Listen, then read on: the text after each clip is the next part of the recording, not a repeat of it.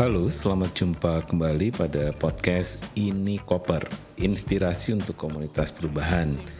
Saya Dani Wahyu Menggoro dari Inspirasi Tanpa Batas atau Inspirit. Kali ini saya ingin mengupas tentang hubungan sindrom ya di dalam leadership yang klasik dengan dunia fasilitasi. Nah, kalau kita baca dari apa, beberapa buku, itu yang menarik sebenarnya yang disebut dengan sindrom kepemimpinan yang klasik itu ada empat. Nah di sini yang ingin saya sampaikan yang pertama apa sih hubungannya dengan dunia fasilitasi?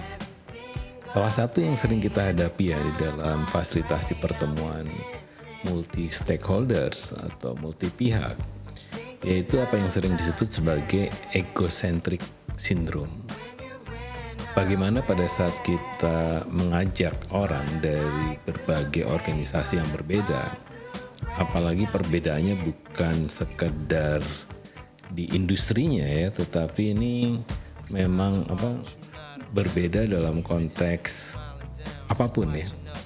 Misalnya contohnya kalau yang satu dari kepemerintahan dan yang kedua dari korporasi, yang ketiga dari organisasi masyarakat sipil dan yang kemudian yang keempat misalnya dari komunitas-komunitas lokal.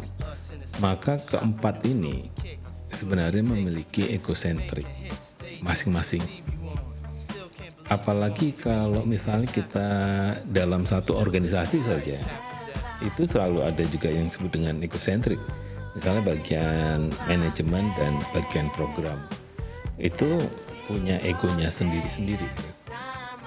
Ada juga egosentrik yang sifatnya muncul misalnya di dalam organisasi pemerintah, misalnya ada 13 atau 9 atau 4 atau 5 direktorat jenderal. Itu tiap direktorat jenderal punya egosentriknya sendiri-sendiri karena itu salah satu tantangan ya di dalam dunia fasilitasi adalah bagaimana supaya egosentrik ini apa semacam larut ya, ya atau hilang pada saat proses fasilitasi. Karena itu biasanya yang kita lakukan bagaimana para peserta dikembalikan kepada mereka sebagai seorang manusia gitu. Karena itu biasanya kita mulai dengan hal-hal yang sifatnya sangat personal. Nah, yang kedua yang disebut dengan sindrom bahasa. Sama di dalam satu organisasi yang yang satu payung itu, itu tiap direktorat punya bahasanya sendiri-sendiri. Ya kadang kita tidak saling memahami apa yang maksud dari bahasa itu. Belum lagi lintas industri seperti tadi. Ya misalnya bahasa yang dipakai di organisasi masyarakat sipil berbeda dengan ada di pemerintah. Karena itu sebagai fasilitator sebenarnya adalah bagaimana kita hendaknya menggunakan bahasa-bahasa yang lebih apa simple supaya dipahami oleh semua pihak. Nah, ada yang disebut juga dalam konteks Indonesia, saya menyebutkannya adalah Jakarta Syndrome. Yaitu sindrom ibu kota.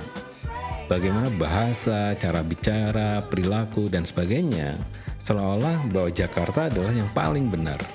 Karena itu di sini itu kita sebut sebagai sindrom Jakarta. Nah, di dalam proses fasilitasi mau tidak mau sebenarnya adalah kaitannya dengan bahasa atau di sini kaitannya dengan organisasi yang paling dominan. Maka tugas fasilitator adalah menjadikan semua pihak, semua peserta itu memiliki bahas atau memiliki apa semacam uh, posisi yang sama.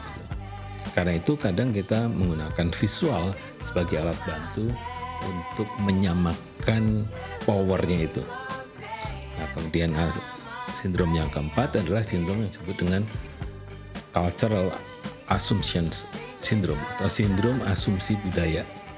Nah, lagi-lagi di sini ada budaya yang dominan, ada budaya yang minoritas. Karena itu fasilitator harus menggunakan banyak alat bantu supaya perbedaan budaya ini itu bisa dikomunikasikan Sehingga salah satu keterampilan fasilitator adalah menggunakan bahasa yang berperspektif budaya. Jadi harus diingat siapa saja yang ada di kelas kita. Jadi itu saja empat sindrom yang penting diperhatikan dalam proses fasilitasi ekosentrik, bahasa, Jakarta, dan budaya. Sampai jumpa pada edisi berikutnya.